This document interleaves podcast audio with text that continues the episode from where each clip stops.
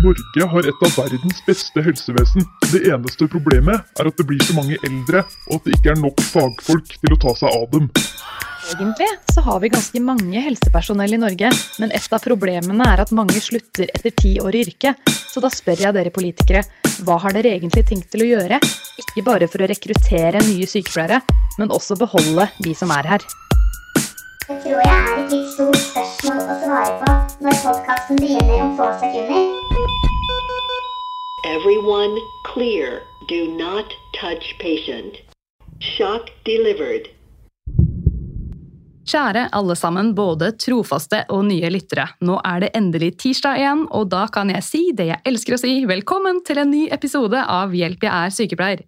Kvinnen jeg skal intervjue i dag, er ikke en hvilken som helst kvinne, men ei rå dame som kan titulere seg som både sykepleier, Doktor, førsteamanuensis, helseforsker, president av Sykepleiernes samarbeid i Norden og sist, men ikke minst, forbudsleder av Norsk Sykepleierforbund. Ja da, i dag skal jeg intervjue selve oraklet over alle sykepleiere, som er både tydelig, modig og stolt. Så da sier jeg bare velkommen så mye til studio, Lill Sverredatter Larsen! tusen, tusen takk. Tusen takk for en helt fantastisk eh, introduksjon. Den tror jeg, den tror jeg du må holde mange plasser. Ja, jeg tror jeg, jeg skal gjøre det. Jeg har fått hjelp av Wikipedia. Jeg tror jeg skal leie deg inn og så ha det en sånn intro for, eh, for, uansett hva jeg skal gjøre. Ikke sant? jeg liker best det å være sykepleier. Ja, det er det beste, ikke sant? Hjelp, er sykepleier. så, Lill, hvem er du bak alle disse titlene som jeg nå har lest opp? Da bruker jeg å si at jeg er Lill fra Jossevatn.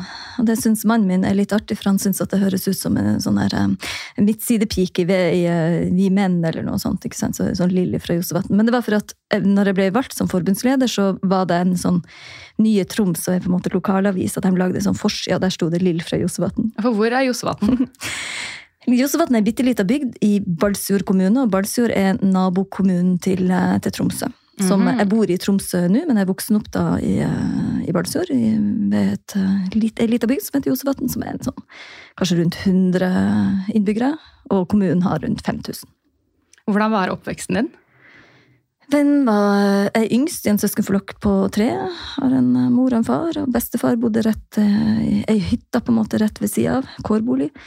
Og eh, gammeltanta mi, som eh, ble på en måte som min bestemor på mange vis, hun bodde også rett over veien. sånn Det var fryktelig mye, og hun var veldig veldig glad i Anny, så derfor jeg skrev en del om, om Anny knytta til min oppvekst. Og vokste opp i et uh, trygt miljø med litt sånn kristent miljø, kan man jo sånn sett si at eh, det var. Men jeg vokste opp i lag med gamlinger, sånn at jeg kunne veldig mange gamle ord som andre brukte å erte meg litt for. Kan jeg høre noen av de ordene? Nei, jeg kan ingen av dem nå lenger. men jeg er fortsatt ganske god på kryssord. på kryssord, ja ja, men det, det forebygger demens, sies det. Ja, det gjør det. Ja. Nei, ellers så eh, jeg har vært glad i å gå på Jeg er glad i natur. Vi har vokst opp med, med fjell, selvfølgelig, og fjellturer, og overnatting i telt og fisketurer både på vinter og sommer uh, i det området som er. Det gjorde vi fra vi var jeg har tenkt på det noen gang sjøl også. Jeg ville kanskje ikke ha sluppet min åtteåring uh, alene ut på fisketur opp til fjells med beskjed om å være hjemme innen klokka seks. Vi hadde jo ikke mobiltelefon. Sant? Men det gjorde vi nå. Og det, jeg tenker at jeg har en stor grad av mestring med meg fra det å eie, kjenne natur og min egen mestring i det fra tidlig barnsben. Får lyst til å dra ut på tur, jeg nå. Vær med meg. Ja. Vær med meg på overnattingsturer. Er det fortsatt hver eneste sommer, så prøver jeg å ha en par døgn i alle fall i telt oppe med, med Jarelvatn eller Tinnvatn eller Stordalvatnet, som er oppfor Josvatn. Nydelig, for nå har jeg bare både firemannstelt, tomannstelt og hengekøye. Så jeg får ikke brukt det så mye, men jeg har veldig lyst til å bruke det mer. Jeg har også hengekøye og kjøpte meg faktisk nytt telt i fjor. For i fjor så ble det til at jeg dro alene. Jeg fikk ikke med meg familien min av ulike grunner. Så hadde det eneste teltet som var tilgjengelig på den tida, var et firemannstelt. Og det er jo ganske tungt. Så jeg hadde liksom en sånn sekk på 26 kilo som jeg gikk eh, alene opp, og det var ganske så innmari tungt. Så etterpå det så føk jeg på en sportsbutikk og kjøpte meg en sånn nydelig lite um, Hubba Hubba, heter det. En og en halvmannstelt. eh. Du kan være to, men det er egentlig bare én person. Og det er så pent. Lite cozy telt. Ja. Så det gleder jeg meg til. Kan være med. Jeg er med. Men når fant du ut at det var sykepleier du ville bli? Eh, fant nok ut at jeg skulle jobbe innenfor helse, i alle fall uh, tidlig. Og der tror jeg far min har vært og pensa oss uh, inn, alle ungene. Jeg har ei søster som er sykepleier, og har en bror som er radiograf. Ja, du er fra helsefamilie. Skjønner. ja. Og sjøl hadde han jobba på Svalbard i åtte år og eh, var veldig opptatt av at vi ungene vi skulle finne oss en jobb som eh, for det første var sikker i form av at vi eh, var, kom til å få oss jobb, og det gjør det jo som sykepleier, men også det at vi skulle kunne jobbe innendørs. og sånt. Han tenkte sikkert at det var mindre risiko. Nå vet jo vi at det er ganske mange være Det er litt annen type HMS enn at man fryser i hjel ute. Det visste ikke han på den tida, vet du, så han var opptatt av at vi skal ha en jobb. Vi kan jobbe innendørs. Så. Eller med mindre man jobber i hjemmesykepleien. da. Det er jo et eget tema om arbeidstøy der. Og uniform, ikke minst. Ja. Begynte du rett etter videregående, eller gjorde du noe annet først? Jeg begynte rett etter videregående. Mm. Hva er ditt beste minne som sykepleier? Beste?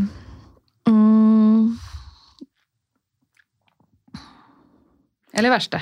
kan jeg begynne med det verste? ja. Det er ofte det er rart. Det er det man ofte- husker best. Ja, det er det man husker best.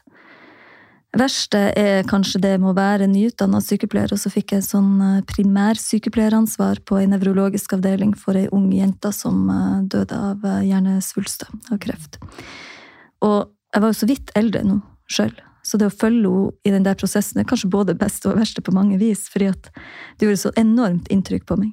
Sant, være, du, du har lært å være sykepleier, og vi er vant til å være sammen med folk. Jeg jobber som bartender. Sant? Man er vant til å være sammen med folk. Men det å være sammen med folk som dør på den måten, og i lag med foreldrene hennes, og sinne og frustrasjon og det jojo-halvåret fra håp og glede til, til sant, det dypeste fall, men samtidig det å få en verdig død. Altså, det merka meg for resten av min tid, Um, den prosessen. Så det gjorde enormt mye med meg, så at jeg tenkte på den til at jeg skal aldri aldri jobbe på som kreftsykepleier, f.eks. Og så prøvde jeg å snakke med de andre som var kreftsykepleiere, og de sa at nei, men du venner deg til det. Og så tenkte jeg at jeg vil aldri venne meg til det. Nei, det, er så, det det er forferdelig. Jeg gikk hjem og spydde. De første, de, de første månedene der jeg tror jeg spydde hver eneste dag på vei hjem fra jobb. Så det blir en sånn emosjonell, enorm emosjonell belastning, men som samtidig også er var utrolig fint, for at det ble en verdig måte å dø på for hun og for familien eh, rundt. eh, Men det, det gjorde et eller annet med meg også, som jeg tenker har vært viktig i min sykepleieryrke, men, men også som person. Om hva er det som er viktig i livet og de valgene man tar. Skjønner. Men hva er det beste med å være sykepleier, da? Om det ikke er noe spesifikt minne, så hva er det beste? Sånn så kan du si at Det beste med å være sykepleier er kollegaene, på mange vis. Um, og alt det artige, de fine vennene. Det er, jo, det er jo fortsatt de beste vennene jeg har, er jo dem som jeg ble kjent med gjennom de, de årene jeg jobba i klinikken. Sånn, Når du står med død og liv og dramatikk på mange måter i livet ditt som på jobb, så kommer du også veldig nær de folkene. Eh, og så er det å redde liv. Rett og slett. Eh, Jeg jobba på hjertemedisin og hjertekirurgisk avdeling eh, i noen år. Og det er klart, det er jo de, ut av de avdelingene med flest hjertestanser. Så det å være Jeg ble skikkelig god. Skikkelig god på gjenopplivning, og det hadde behov for selvfølgelig på jobb som sykepleier, men også som sykepleier utafor jobb. For du vet, hjelper jeg sykepleier, da er du sykepleier uansett hvor du er. Ja, det er det. Og det å, ha, det å kunne redde liv, det er mm, kanskje det aller, aller beste med jobben. Jeg driver og ser på dere Reddet, Mm. og der er det jo hjertestanser innimellom, og jeg blir sånn, jeg får lyst til å gråte når jeg ser det, fordi det er så sterkt, og så ser jeg den hjelpen som helsepersonellet utfører, og personen overlever, i hvert fall det vi ser på TV. Jeg bare, oh, det er det og fødsler. Da begynner jeg til å gråte når jeg ser livet og døden, og når det er på en måte kort imellom, da. Det er litt artig, for både jeg og familien min har sett både 113-serien og, um, og det samme med Reddet. Og det er litt artig, for at det er ungene mine, og de er jo voksen, og gutt på 21 og jenta på, på i sitt 17 år. De er også hekta på de, på de der seriene, så det gjør noe med ikke bare oss som er sykepleiere, men også folk flest. Altså, det er jo noe, vi vet jo at sykepleie er ikke alltid det er ikke hardcore action, men det, det rører noe som med det når du er, står på det. Det er en linje mellom liv og død. Sant? Det er det du gjør med både fødsler og med hjertestans, for en saks skyld. Jeg snakket med en god uh, gjeng med andre sykepleiere, bl.a. blant annet uh, Ida og Vemund, om mm. hva, hva er det på en måte regjeringa kan gjøre for å fremme sykepleieryrket, annet enn å putte inn masse penger i lønna, for det vil de ikke. Men vi vil ha en egen serie som heter Sykepleierne, som kan gå på TV, sånn at vi kan vise fram alt det kule vi gjør. Vet du hva, det bruker jeg også å si. Du har politiserier, du har brannserier, du har, mens det er sykepleierserier, så blir det gjerne sånn intrigeserier, sånn der typisk amerikanske intrigeserier. Eller, Ja. eller sykepleier. sykepleier som ligger med legen, eller Nurse Jackie som er eh, narkis, eller ja. Ikke sant? Men reelle serier som viser, ikke sant? For at sykepleier er jo mye mer enn den her eh, action. Sant? Men det betyr ikke at ikke det er en sykepleie som vi eh, som er av enorm betydning, og som vi også husker i etterkant. Men du hører jo, når du skal nevne noen ting, så kommer jeg også med de eksemplene der du redder liv. Men det er jo hverdagen som sykepleier der du bidrar til eh, håp og mestring og bedring, eh, på, og ikke minst også muligheten til en verdig død, som er av enorm betydning når det faktisk er utfall.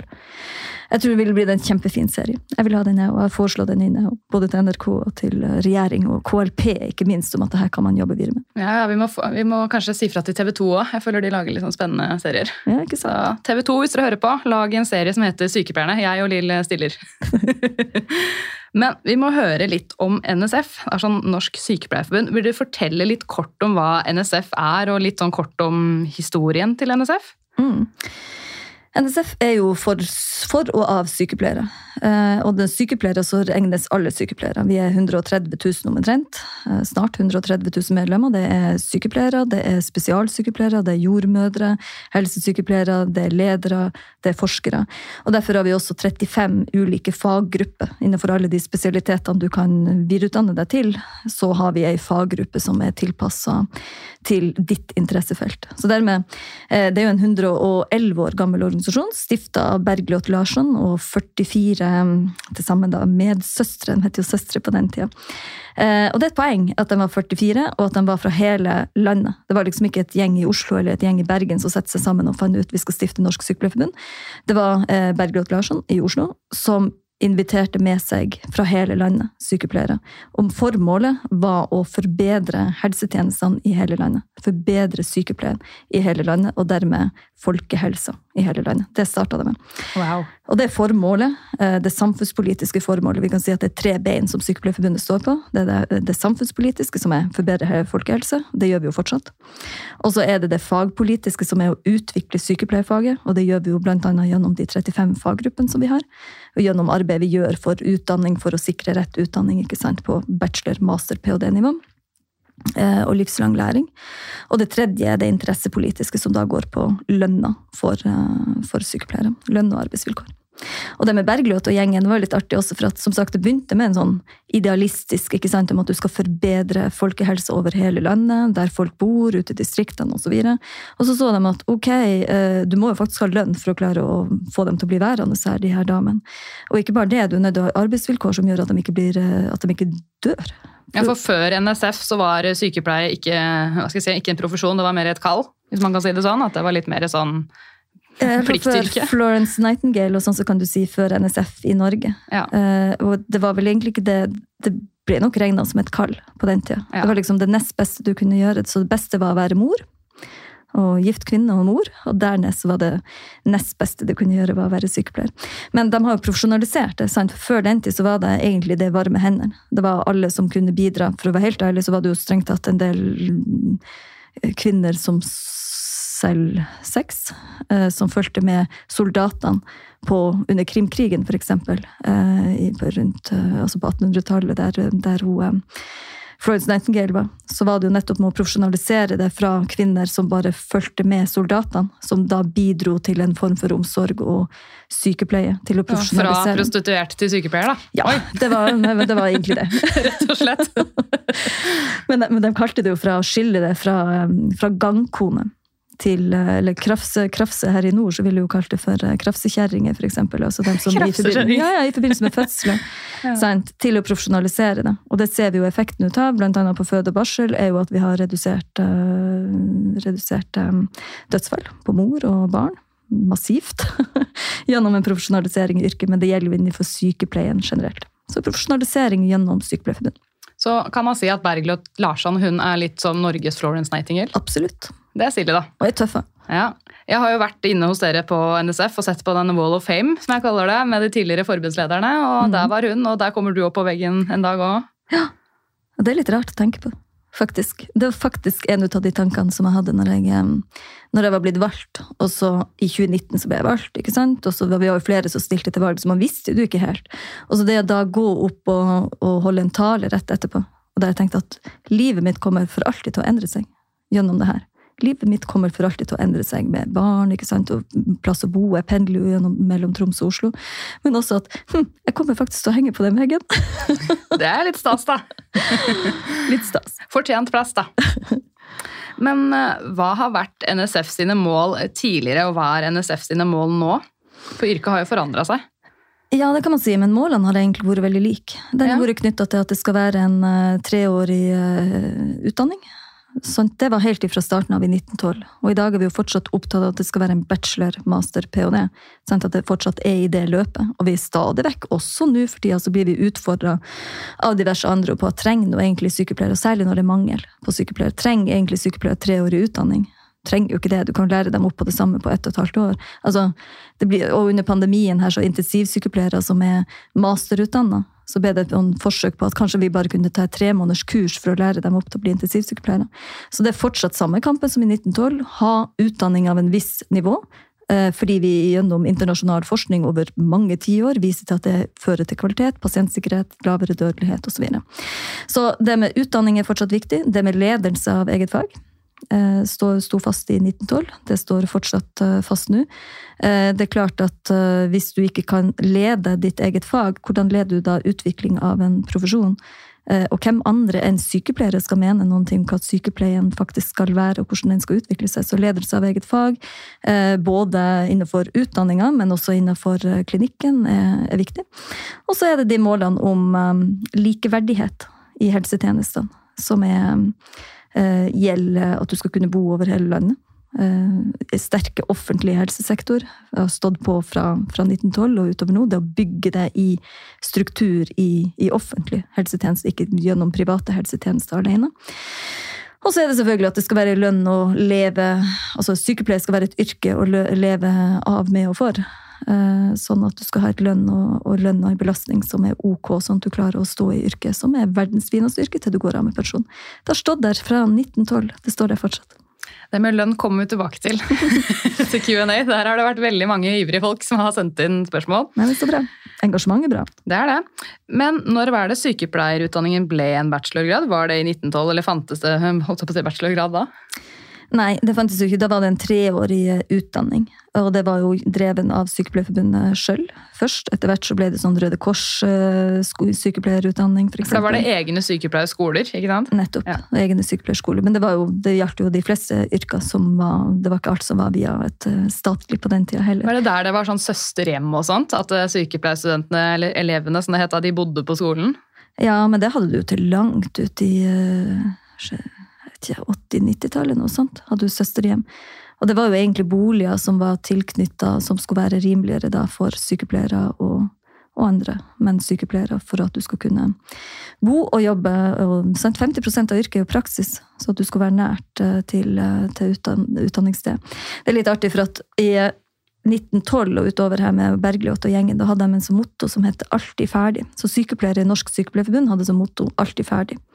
Og det handler om at de jobba til de ble ferdig. Med. Ja. Så det handla ikke om arbeidstimer på den tida. Men det var derfor de så etter hvert at mm, vi er nødt til å gjøre noe med arbeidsvilkårene nå, for at folk ble jo syke.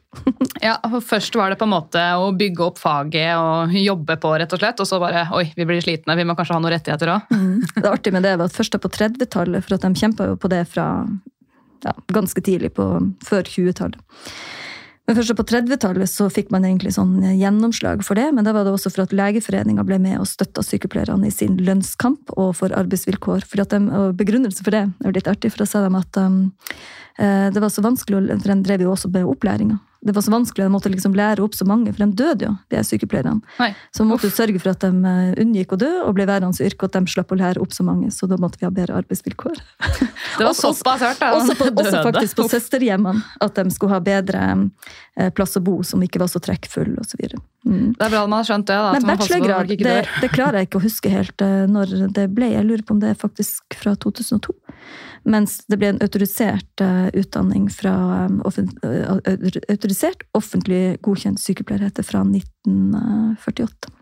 Før 1948 var det sånn at man ikke kunne bli gift og sånt hvis man var sykepleier. Jeg har bare hørt at det var sånn i gamle dager. Sånn var det i gamle dager. Om det var til 48 eller om det var tidligere eller eh, senere, husker jeg ikke. Det var, for det første var det også at du ikke kunne være, du kunne ikke være mann. Så den ble diakonist, altså den ble di- diakon, diakone, heter det vel noe sånt. Ja. Da gikk du via um, kloster, altså nonneskole, og så kunne du bli Og de jobba gjerne innenfor psykiske eh, psykiatriske institusjoner. da. Som menn eh, fortsatt gjør. Mye menn i psykiatrien. mange menn, som, mange menn innenfor mange, mange andre men ja, Ja. absolutt. Men ja, det var sånn at du ikke kunne bli gift. Men det var jo det er jo noe med at det, det var jo ikke Sykepleierforbundet som bestemte det, det er jo en, helt, det er jo en samfunnskontekst om hva, må huske på at Norsk Sykepleierforbund ble stifta før kvinner fikk stemmerett. Altså Vi var stifta i 1912, og kvinner fikk stemmerett først da i 1913. Og LO, som er en gammel organisasjon, var jo kun for menn. De hadde ikke lov å ha kvinner, så sånn så ble jo Sykepleierforbundet ble på en måte en slags eh, kvinneorganisasjon, istedenfor for at LO ikke hadde det på samme måten. Kvinner var ikke i arbeid. Så Der må NSF ha vært en pådriver, vel? Absolutt. det? så Ja. det her er jo kvinnekamp, så det, så det holder. dreven gjennom Sykepleierforbundet sine innmari sterke damer gjennom mange, mange år. Det er gøy å høre litt om historien. Jeg tror egentlig jeg kunne laget en egen episode om NSF sin historie. Men når og hvordan startet ditt engasjement for NSF? Vet du, Jeg var faktisk ikke medlem. Jeg ble ferdig utdanna i 2002. Jeg var ikke medlem før i 2004, kanskje. Så jeg var, På den tida så hadde vi ikke en studentorganisasjon som var like veldreven som den er nå. Eh, og eh, når jeg begynte å jobbe, så jobba jeg faktisk i eh, vikarbyrå først. Eh, og så og så kom jeg nå på en avdeling der, der jeg husker noen av de her folkene som jobba der, de sa at nei, Sykepleierforbundet er ikke noe vits å være med i, for at ja, eneste lønnsøkninga du får, er hvis du på en måte kan trekke fra kontingenten. Ja, den har jeg hørt før. Nettopp. Men så var det en avdelingsleder der som, eh, som mente at eh, hun kom til meg og så sa hun at eh, Lill, du blander deg jo inn i alt omtrent uansett. Kan, du, kan ikke du være tillitsvalgt på avdelinga? Så sier jeg ja, jeg er jo ikke medlem, så det er jo litt rart. Så sa men jeg kan verve deg, hva du sier. Så ble jeg nå valgt da, til, ble medlem, og ble valgt som tillitsvalgt på avdelinga, og ble faktisk medlem av utvalget av tillitsvalgte på UNN samme uka. Så det ble en sånn karrierevei fort inn, inn i det. Og så begynte jeg å stille spørsmål, for det gjør jeg egentlig med det meste jeg gjør. Som, som ok, what's in it for me? Hvorfor skal jeg være medlem i Norsk Sykepleierforbund? Ok, nå er jeg medlem, nå har jeg betalt. What's in it for me? Hva er det vi får igjen da som medlemmer for det? Og det endte opp med et, øh, først et sånn treukers prosjekt, der jeg jobba med What's in it for me, som da ble som en noen type medlemsrekrutteringsprosjekt i etterkant. Det var utenom meg, da, men, men førte det inn i organisasjonen på den tida. Det var faktisk sånn at jeg var helt og møtte Bente Slåtten, som var forbundsleder på den tida, og sa at vet du hva, jeg syns det er for lite informasjon om hva det hva får jeg igjen for et medlemskap. Jeg trenger at dere forteller meg det på en bedre måte. Det ble et medlemsrekrutteringsprosjekt. Så bra. Så ble jeg etter hvert jeg var ansatt i en par perioder, kortere perioder i Sykepleierforbundet. Som eh, Det ene var et medlemsrekrutteringsprosjekt, og det andre var et eh, Jeg var prosjektleder i 100-årsjubileet som vi hadde i, eh, i eh, 2012. Og så, og sånn har det bare blitt. Nå er det, tror jeg det er knytta til identiteten min. Sant? Jeg har en veldig sterk sykepleieridentitet. Jeg er sykepleier. Overalt hvor jeg er, så er jeg sykepleier. Og så øh, er jeg sykepleier i Norsk Sykepleierforbund, for at jeg tenker at det er som du, Når du hører den historien, det tilfaller veldig lett. Det er et samfunnsoppdrag vi har, og det er en fagutvikling som er helt nødvendig at vi fortsetter. Og vi får det ikke til hvis ikke også har lønns- og arbeidsvilkår som er på plass. Tydelig, modig, stolt. Jeg liker det.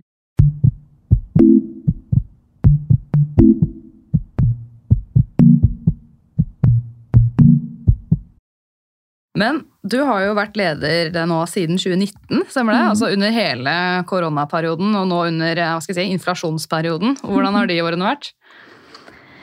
Det er ingen som kan forutse når du blir leder. Jeg hadde, hadde noen ting som var viktig for meg, som, eh, som, eh, som jeg skulle gjøre når jeg ble valgt som leder i, i Sykepleierforbundet. Det ene var jo det med fag i front, som jeg kalte det for.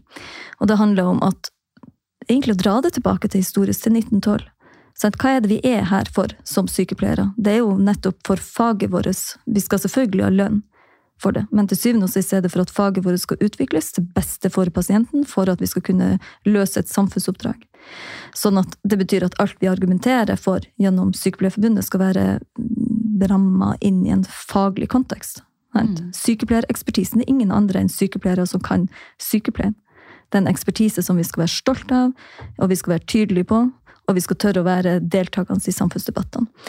Og så kom det jo en pandemi, som du sier. Eh, Det gjorde jo at eh, alle de kampene eller de målene vi hadde satt oss, eh, måtte jo vike litt. For det skjedde fryktelig mange andre ting. Det har vært tøft, jeg lover å si det. Det har vært tøft på mange vis. Det har gått i et vanvittig tempo. Det er en del eh, påvirkningsmuligheter som vi har, og som har vært viktige, men som også det har vært helt umulig å vite om det var Det er ikke to strek under svaret. Jeg husker blant annet på julaften eh, et år jeg satt og jobba og prata i lag med Bent Høie, som var helseminister på den tida, angående vaksinering, som man skulle ha oppstart på rett etterpå. Med høringsfrist på to dager, noe sånt som vi fikk på julaften. ikke sant? Det var Oi, det var litt av en julegave. Nettopp. Det var et vanvittig tempo. Som har eh, vært belastende for meg, men, men for organisasjonen som helhet, og ikke minst for de medlemmene, for sykepleierne ute i klinikken. Telefoner og meldinger fra helt søkkfortvilte sykepleiere. Jeg husker spesielt han ene lederen som hadde fått eh, koronasmitte inn på sykehjemmet der han, eh, der han var leder. Det betydde at det var flere selvfølgelig pasienter som, altså, som bodde der, som var syke, men han hadde jo nesten ikke stab igjen. Sånn at han sjøl hadde gått på vakt. Han var leder, men han hadde gått på vakt, eh, dobbeltvakt i syv eh, dager. Han hadde jobba noen netter og nesten Nei. ikke sovet. Han var jo på tur å bli, han ble sjuk av det. Men den der telefonen fra den der voksne mannen som hulka og skreik og fortalte om situasjonen og pasienter som døde og smitta og ikke få tak i folk. Så det, det har vært beintøft for sykepleiere som har stått i det. Eh, Og sånn sett så det har ikke vært tøft på den måten for min del, men det er klart at belastninga har vært for hele organisasjonen. For hele landet, sånn sett. Og inflasjon spør du om, og det er klart at uh, dyrtid, som Jonas Gahr Støre kaller det, der vi også blir tillagt et ansvar for å sørge for at vi nå, nå er det viktig at Sykepleierforbundet tar ansvar for å sørge for at det ikke har en økning, altså en, en inflasjon. Sånn at vi må vise ansvarlighet når eh, vi møter lønnsoppgjør, tariffoppgjør, for å sørge for at ikke liksom, at ikke vi taper i lønn, rett og slett. Nei, det er ikke det, men for at liksom ikke da, hvis sykepleiere får høyere lønn, så skal alle andre også ha høyere lønn, og da blir prisstigninga så mye høyere, og så har du en inflasjon. Så det syns vi blir tillagt for mye ansvar på em, norsk økonomi, som er knytta til sykepleiere. Og som jeg har sagt til eh, statsministeren, at jeg tror ikke det blir em, Vi er 130 000 i stor gruppe, men gir du en høyere lønn til dem, bare dem alene, eller dem og helsefagarbeiderne, så tror jeg ikke det er det som har betydning for inflasjonen alene. Nei, jeg tror kanskje det har litt å si at eh, hele matvarebransjen har satt opp prisene noe helt sinnssykt. Ja, så kan du ta, og de har jo sannelig tatt seg eh, noen bonuser. De har hatt gode lønnsoppgjør. i- Ja, de koser seg. Ja, Å, de koser seg. Men og fortjent, for så vidt på mange vis. Altså, de, har, de ansatte der har jo også virkelig stått på under en pandemi. Men det er klart at de har hatt gode tariffoppgjør de her senere årene. Men ta nå dem, men ta finansnæring og diverse andre ting som um, De blir gjerne holdt til frontfaget. At det er liksom De er 30 000 i norsk industri. 30 000. Og så skal vi alle sammen følge lønnsoppgjøret. Innenfor offentlig sektor, som vi tilhører, så skal vi alle sammen tilhøre eh, og føre det som altså det taket på en måte blir gjerne det som frontfaget de 30 000 han har fått. Men hva med oljenæringa, hva med finansnæringa, hva med vareservicenæring? De er altså utafor det her, og de trenger liksom ikke å følge. Men så blir det vi som likevel blir holdt til ansvar for en inflasjon. Altså, det funker ikke, det. Og det som jeg, jeg kjenner mange av de tidligere forbundslederne eh, i Norsk Sykepleierforbund òg, og de sier at det er akkurat samme argumentasjon. Går Norge godt, så må sykepleierne være ansvarlig. Går Norge dårlig, så må sykepleierne være ansvarlig. Alltid er det vi som må være ansvarlig, og jeg er litt lei det. På samme måte som jeg har sagt at jeg er fuckings lei varme hender som begrep. For at det blir gjerne som eh, Da har vi ikke kompetanse. Det blir som Uansett hvem som har varme hender, om du er en helsefagarbeider, fysioterapeut eller en sykepleier eller en en miljøterapeut eller en assistent, det er liksom ingen forskjell. Jeg mener vi skal ha en forskjell på kompetanse, men akkurat det samme så er jeg fryktelig lei det at vi skal være så ansvarlig hele tida. Ja, vi skal være ansvarlig for pasientsikkerhet, for, eh, for beredskap, eh, men, men, men det er først og fremst arbeidsgivere og politikere som må legge til rette for det. Vi er ikke noe mer moralsk ansvar, vi som sykepleiere, enn en andre folk i, eh, i landet. Men det du forteller meg, er altså at eh, de øvrige makter, altså regjeringen, skylder på sykepleierne for Norges økonomi? Ja. Ok, den, den, da tror jeg de kan ta seg en bolle. det er min kommentar til det. Og en kommentar til varme hender. Det er litt gøy, eller ironisk, fordi de fleste sykepleierne har iskalde hender fordi man er stressa og hendene blir kalde. så det gir ikke Mine hender brukte alltid, å for så vidt fortsatt, jeg vet ikke om jeg er så stressa, men de brukte alltid å være iskalde, så jeg måtte alltid unnskylde at når jeg skulle ta på en pasient, at beklager. Eller jeg måtte stå og prøve å varme dem opp i vasken før jeg kunne gå inn. Ja, for det er litt gøy Når vi skal gjøre sånn EDA-test, så må man jo ofte hente isbiter, men det er ikke alltid jeg trenger det, for jeg er så kald hender. Så tar jeg på pasienten. Kjenner du dette? Kjenner du dette? Og da brukte pasientene å si um, 'kalde hender, varme om hjertet'. Ja, ja, Det er ja. veldig koselig. Det er jo litt hyggelig å bli kalt for søster og engel og alt det der og helt, men jeg vil jo aller helst høre wow, for en kompetanse du har. Og har ingen problem med at uh, pasientene våre syns at vi er amazing, og at vi er både engler. altså Den opplevelsen av det, det kan vi alle kjenne på som både har vært pasient eller som pårørende. Men jeg har problemer med at arbeidsgiver underkjenner kompetansen vår som varme hender. Det har jeg problemer med. For da er den, det, jeg vil ha et skille på den særskilte kompetansen som en sykepleier har.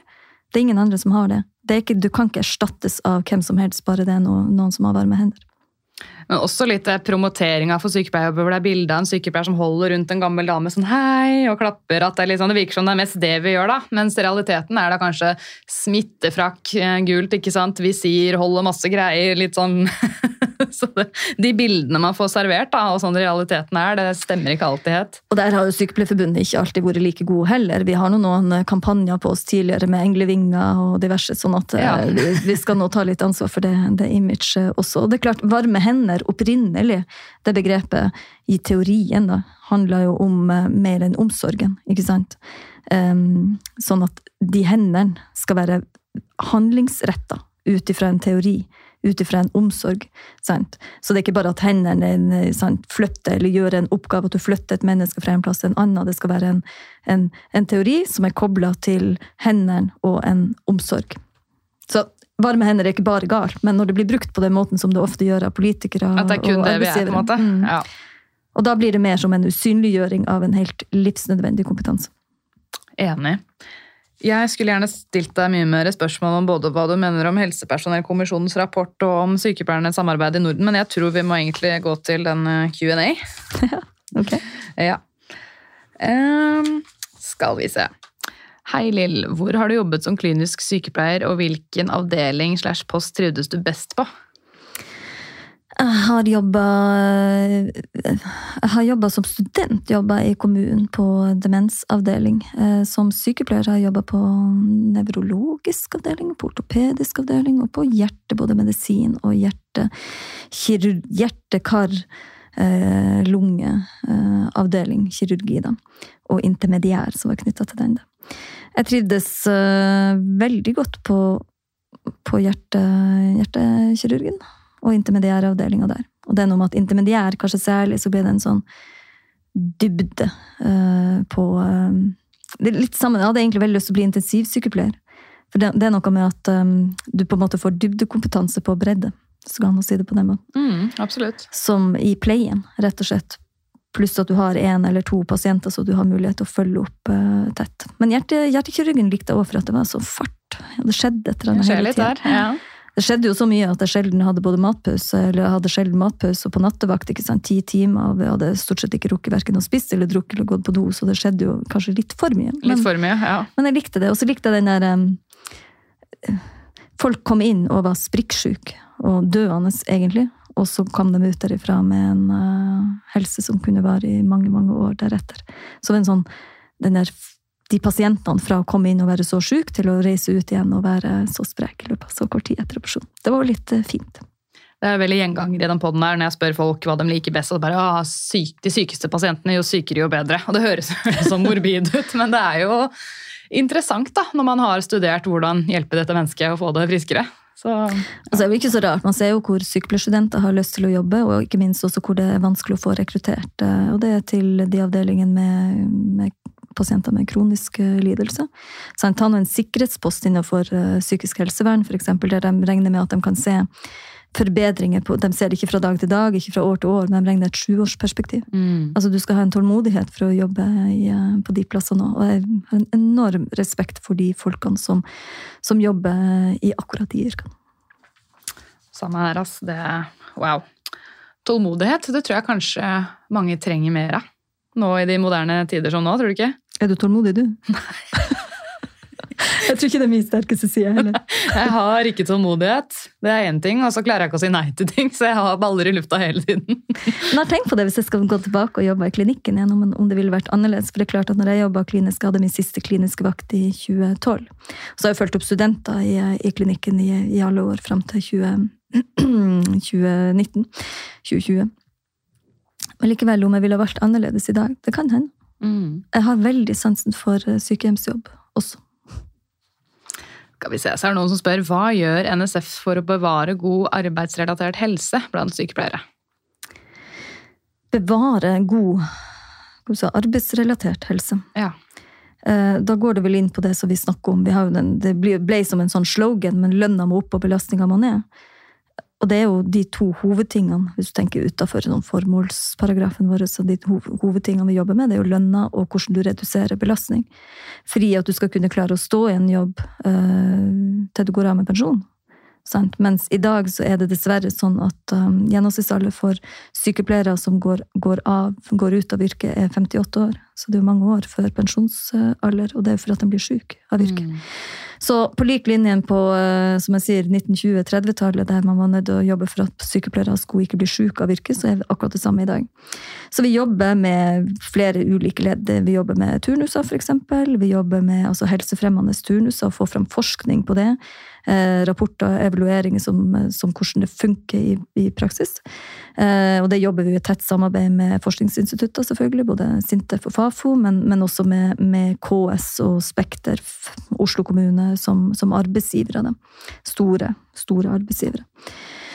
Eh, vi jobber med yrkesskadereglement, som jeg tror vi har et sånn politisk vindu på å få gjennomslag for eh, ganske snart, håper vi.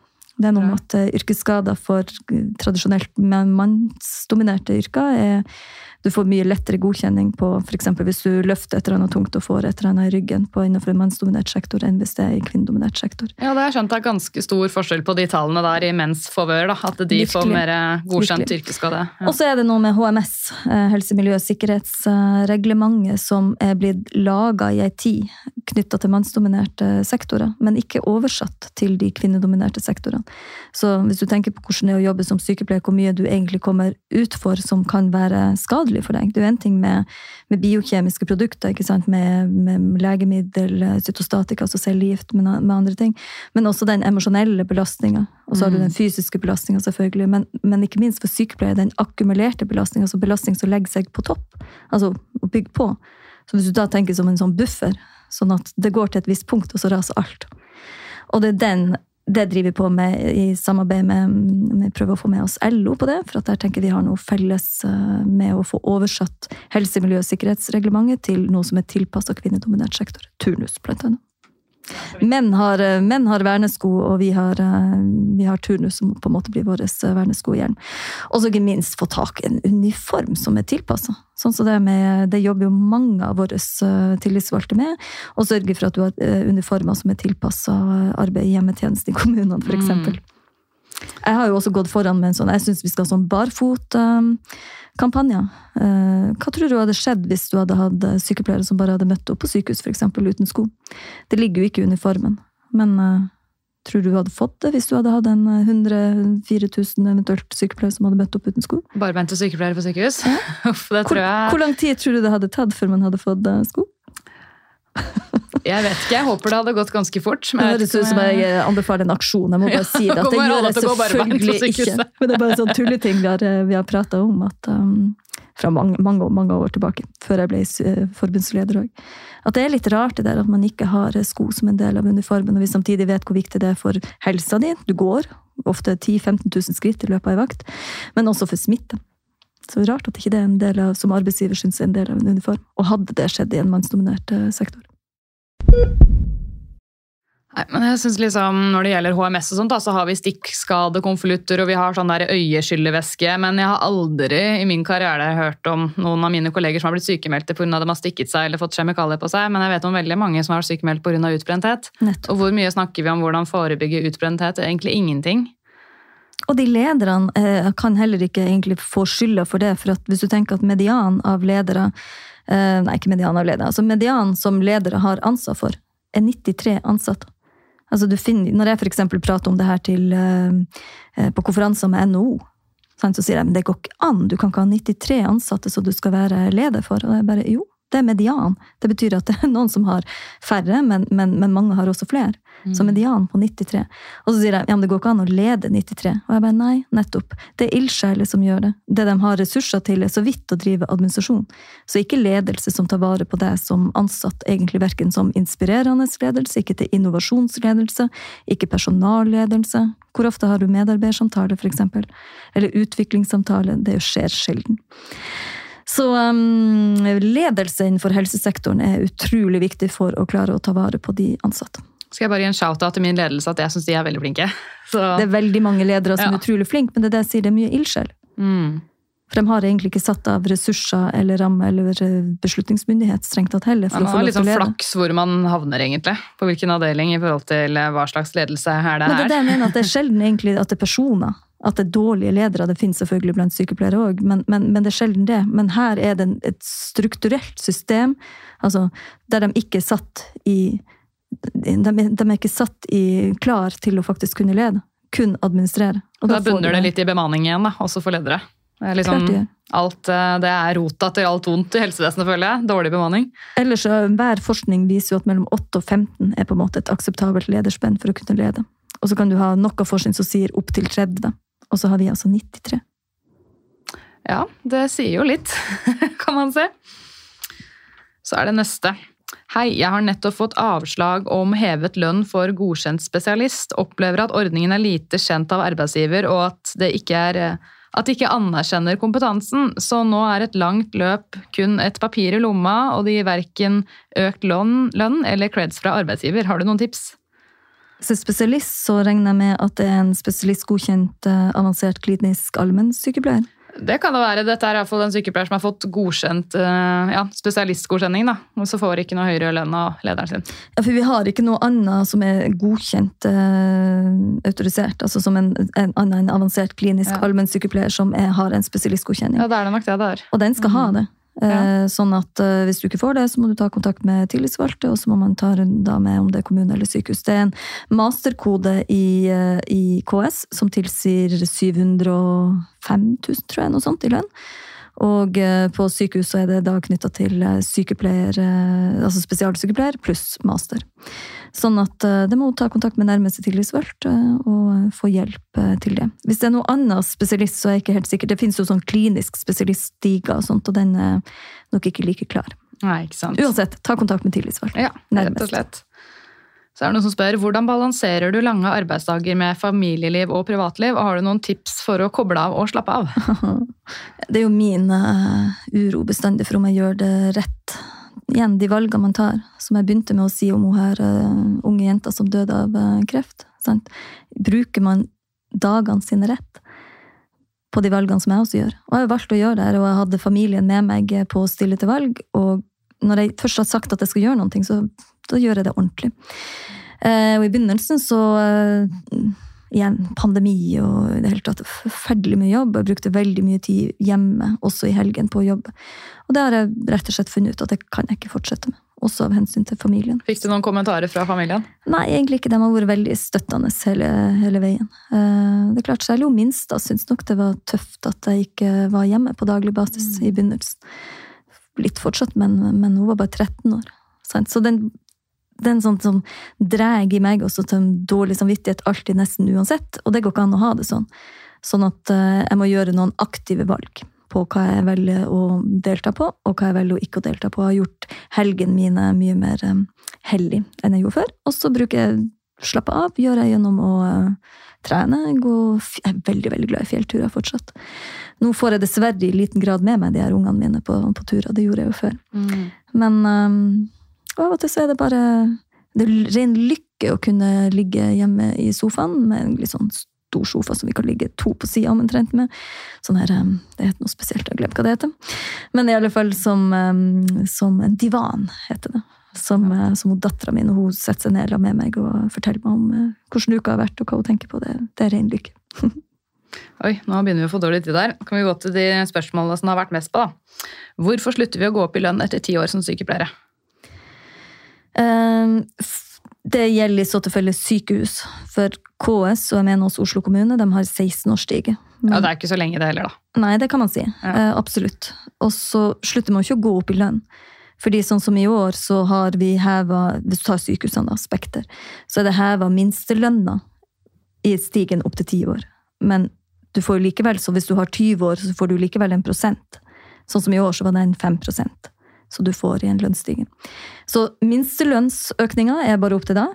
Dessverre. Vi ønsker den gjerne lengre. Vi ønsker på eh, både 16, og 20 og 30 år, for den saks skyld. Men vi har ikke møtt en arbeidsgiver til nå som har vært villig til å Det er jo en forhandling, sant? Som har eh, vært villig til å eh, ta den. I år så fikk vi jo da for første gang inn et seksårstrinn. Det har vi ikke hatt før. Det er bra. Jeg tror veldig mange syns det er litt demotiverende at etter ti år så stopper liksom den store lønnsutviklingen, og etter ti år så har jo plutselig mange stikket fra yrket òg. Jeg vet. Um, jeg har jo en søster som er sykepleier, som har jobba i snart 30 år i klinikken.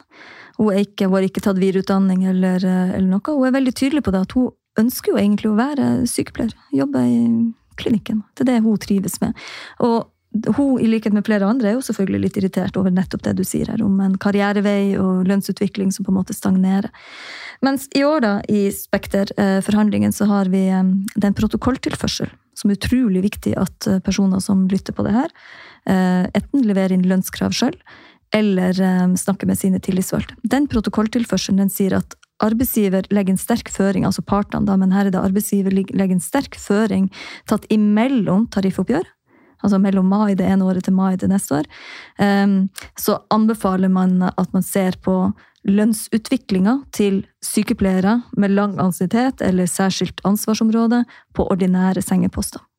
Og der ligger en klar, sterk føring på det som Jeg har prata masse med Anne Kari Bratten, blant annet, om, som er leder i eh, Spekter. Som eh, jeg har kalt for Rita-prosjektet, og det er søstera mi. Så eh, vi jobber på, men, men det, er jo, det er jo sånn at det er ikke vi alene i Sykepleierforbundet som bestemmer. Det er jo en forhandling, og vi er helt avhengig av at en arbeidsgiver er villig til å, til å gi. Det bør de jo, da, hvis de vil ha godt erfarne, kompetente sykepleiere på post. For ofte så er det jo bare nyutdanna som jobber der, og pasientene på vanlige sengeposter blir jo også sykere og sykere. Og det er jo akkurat det, og de her erfarne sykepleierne som jobber da over mange år på sengepost, de får jo også ofte et særskilt ansvar som de ikke får betalt for. De blir alltid putta på gruppelederansvar, ikke sant, og de har eh, opplæringsansvar, de har eh, ansvar for veiledning og studenter. Det er mange arbeidsoppgaver som er knytta på dem, ansvarsområder som de ikke får betalt for. Så det å klare å beholde dem og redusere en, eh, en turnover i, på ordinære sengeposter har stor betydning. Det bør arbeidsgiver gjøre, og dermed så må bare sette inn eh, lønnskrav og få hjelp av tillitsvalgte på det. Så er det et retorisk spørsmål. Vet NSF hva inflasjon er? Du skal, trenger ikke å svare på det. For da kommer på en måte oppsummeringsspørsmålet som veldig mange har sendt inn. Hvordan kan dere i NSF si dere fornøyde med resultatet i lønnsforhandlingene i år? 5% økning? spørsmålstegn. Seriøst? Det er da ikke noe å rope hurra for. Inflasjonen er jo på 5% og konsumprisindeksen på over 6% så dette er jo ikke noe reallønnsøkning. I hvert fall ikke for oss som bare er vanlige sykepleiere. i anførselstegn. Ja. Eh, veldig vanlig for så vidt spørsmål, og, og vanlig misforståelse også. For at tariffoppgjøret er egentlig ganske komplisert. Sånn at når man oppfatter at det er to ting, forresten. Jeg ropte aldri hurra. Og det, jeg har sagt at det, det er et tilfredsstillende eh, tariffoppgjør innenfor de rammene som er mulig å få til.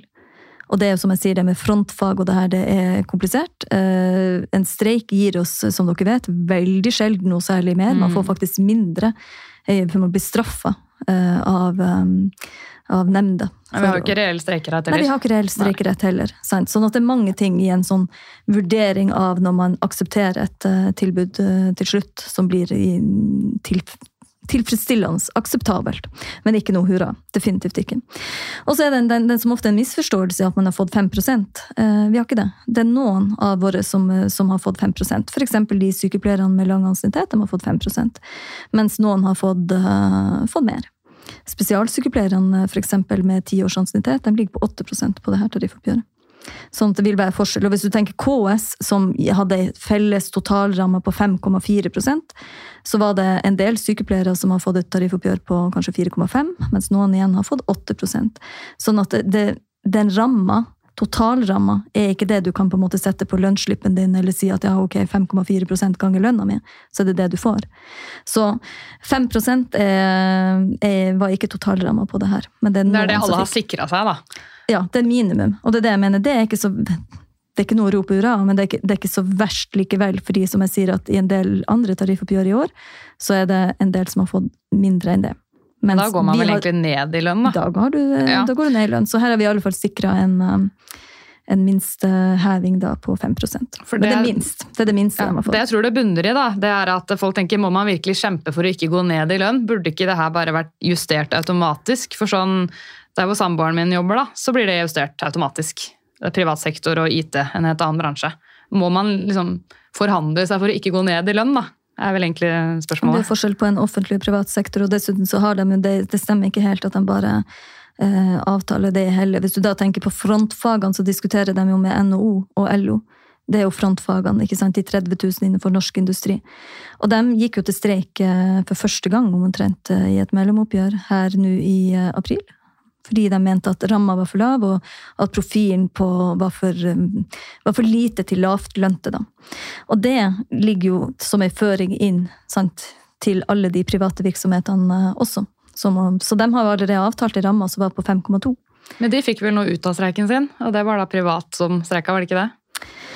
Eh, At fra Ikea-arbeidere til eh, vaskepersonell og Det var jo LO som, Ja. eh, som streika. Og det de fikk ut av det, var jo et litt høyere ramme. Opp fra 4,9 eller noe sånt, eller 5 til 5,2. Og, eh, og så fikk de en profil som betydde at mer av pengene da ville lande på dem som var lavere, har en lavtlønnsprofil. Da. Mens vårt oppgjør her er jo høyere. Sant? Så ramma, som i privat ble 5,2, har vi en høyere ramme eh, opp mot 5,4, sånn som her. Skjønner. Skal vi Så se. derfor blir det 5 er på en måte det minste, men ramma totalt er høyere enn det. Fordi jeg tror noen syns det var litt urettferdig at det på en måte bare var de spesialsykepleierne som fikk høyere lønn. Sånn i reelt sett, da. Så er det noen som spør har dere vurdert å bytte navn til Norsk Spesialsykepleierforbund. og oppfølgingsspørsmål der er vi ser dere satse på å styrke lønn og bevare spesialsykepleierne, men hva med oss som bare er sykepleiere? Betyr det noe å bevare oss? lurer noen på. Og så er det noe med sånn, Du må se historisk på det. For at denne landsmøteperioden fra 2019 og utover, da har tariffkonferansene og landsmøtet Altså medlemmer som To ting her òg. Engasjer deg som medlem i Sykepleierforbundet. Engasjer deg på tariffkonferanser, eh, engasjer deg på fylkesmøter og på landsmøter og andre plasser der du kan si noen ting om hvordan du mener det skal være. Hva skal NSF mene? Jeg mener jo lite og ingenting uten at jeg har på en måte en backing fra medlemmene på det. Men da må det være noen, så, så er du uenig i det, så meld deg eh, på på plasser der det er mulig. Tariffkonferanser er en første mulighet. Punkt nummer to er at uh, hvis du ser historisk på det, så har vi denne landsmøteperioden hatt sterke føringer fra medlemmene våre gjennom de her ulike arenaene om at vi skal prioritere spesialsykepleierne. Og det har vi gjort. Vi hadde et um, sykepleierløfte, som vi kalte det for, uh, 2.0, som da er 650 000 til spesialsykepleiere med tiårsansiennitet. Det har vi nådd i år. Og det er bra at man Det er bra. satser på de, for det skal jo lønne seg å Nettopp. ta videre utdanning. Men betyr det noe å bevare de som Det er Ja, ikke alle bare, som kommer bare inn. for å ta den, for at Historisk sett så hadde du fra 2015 til 2019 så hadde vi sykepleierløftet. Du skjønte at Nå hadde vi sykepleierløftet 2.0, som er på spesialsykepleiere. Men sykepleierløftet fra 2015 til 2019 gjaldt nettopp vanlige, vanlige med hermetegn, sykepleiere. Og de fikk da en lønnsøkning opp til 500 000. Sant? Og dermed, fordi vi, vi heva dem faktisk såpass mye at i løpet av de årene så tror jeg det var 26% lønnsøkning på, på sykepleiere. Og da hadde vi spesialsykepleierne som var forbanna. Skjønner du?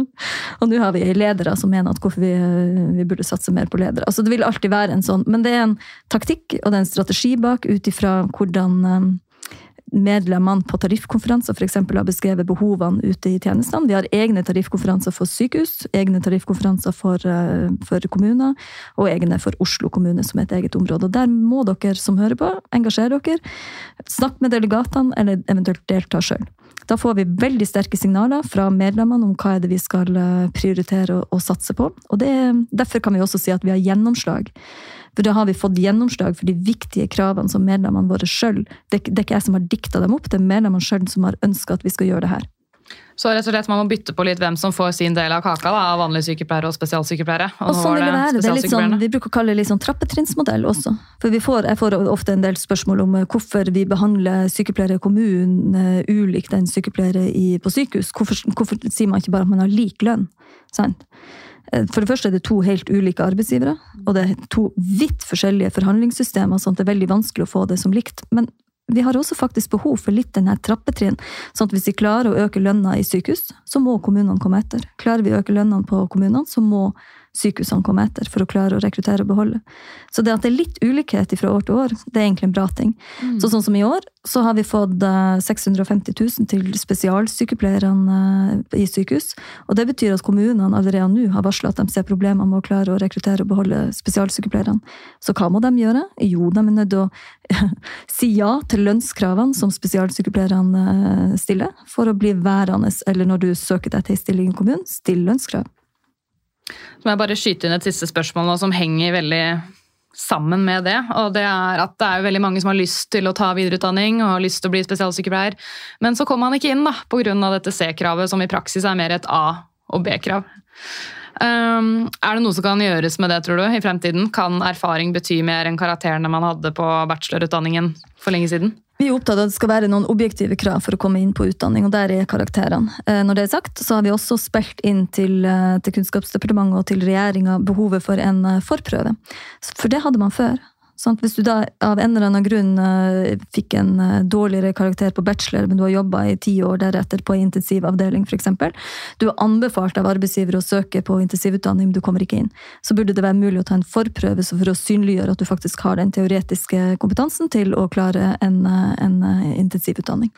Så en forprøve er det som vi har spilt inn, men vi mener fortsatt det må være et karakterkrav på det. Skjønner. Lill, det har vært helt supert å ha deg her i poden. Det er veldig mye mer jeg egentlig gjerne skulle spurt deg om, men kanskje jeg kan invitere kan deg tilbake hit en Det er veldig hyggelig, så inviter meg gjerne igjen. Ja, ja, men det skal jeg gjøre. Men da sier jeg bare tusen hjertelig takk for at du kom og gjesta podkasten min. Tusen takk, Helene, for en helt glitrende podkast som jeg liker å høre på når, når det passer, og ellers for det store engasjementet som du har som sykepleier. Tusen takk. Selv takk.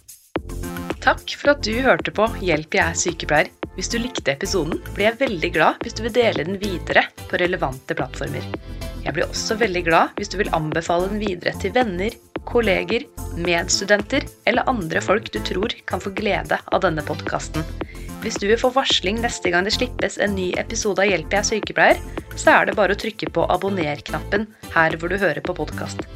Hvis du vil komme med ønsker for podden, eller gi meg tips eller tilbakemeldinger, eller bare følge meg og mitt podkasteventyr, så er du hjertelig velkommen til å følge Hjelp jeg er sykepleier på Instagram. Hjelp jeg er sykepleier er også på Facebook, men det er på Instagram det er desidert mest aktivitet. Der har du også mulighet til å stille spørsmål til Q&A til fremtidige gjester av podden. Du kan også sende meg en mail, og mailadressen til Hjelp jeg er sykepleier står beskrevet i hver episodebeskrivelse.